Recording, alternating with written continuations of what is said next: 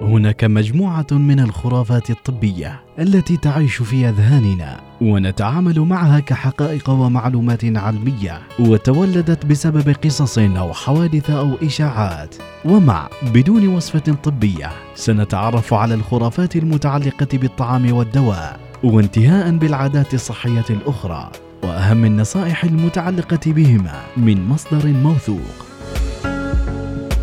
يا هلا وسهلا فيكم مستمعينا. أحيانا تسمعوا نصيحة من أحد أقاربكم يقول لك تعرق لتخرج السموم من جسمك فالعرق يخلصك من السموم ما مدى صحة هذا الكلام؟ خل نعرف التفاصيل بدون وصفة طبية مع سميرة الفطيسية. يقول الدكتور أحمد محمد عبد الملك على خلاف ما يعتقده الكثير والكثير من الناس لا يحتوي العرق على أي سموم إطلاقا فالعرق مكون من 99% من الماء زائد أملاح صوديوم بوتاسيوم كالسيوم وبروتين ويوريا.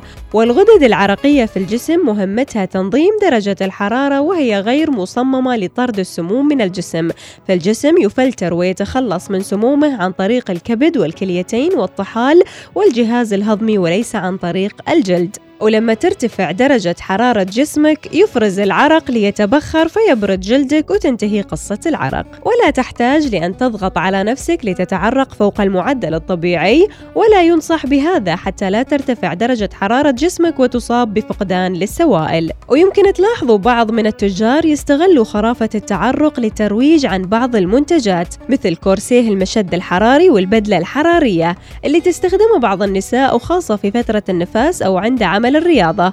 إيمانا واعتقادا منهم أنه يقوم بشد عضلات الجسم فيزيد الجسم من عملية حرق الدهون عن طريق زيادة معدل التعرق. لكن الحقيقة أن الكورسيه لا يشد شيء ولا يحرق شيء إطلاقا.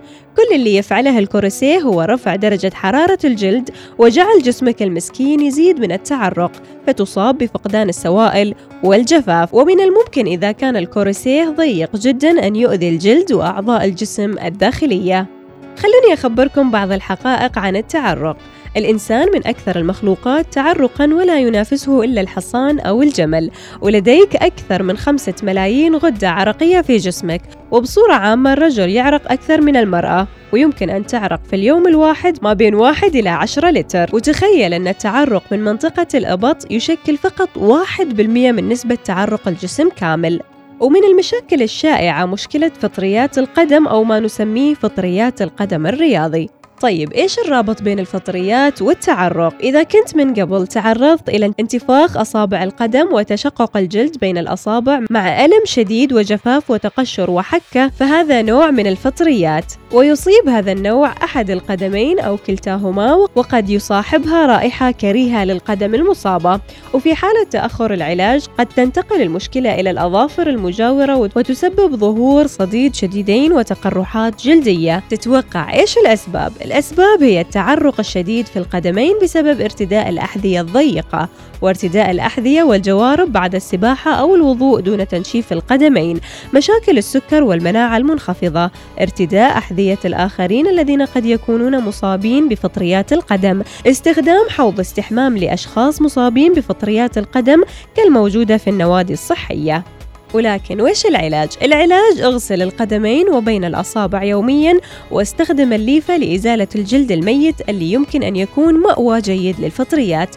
جفف ما بين أصابعك جيدا بعد الاستحمام أو الوضوء باستخدام قطعة قماش. قص أظافر أصابعك واجعلها دائما قصيرة وذلك للحفاظ على تلك المساحة الصغيرة بين الظفر وجلد الإصبع نظيفة وجافة وبعيدة عن التعرض للإصابة بعدوى الفطريات.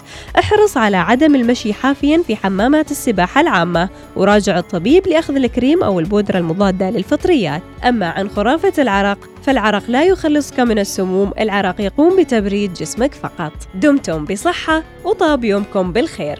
بدون وصفة طبية مع سميرة الفطيسية يأتيكم في الأوقات التالية التاسعة وخمس دقائق صباحا الرابعة وخمس دقائق عصرا السابعة وخمس وثلاثين دقيقة مساء.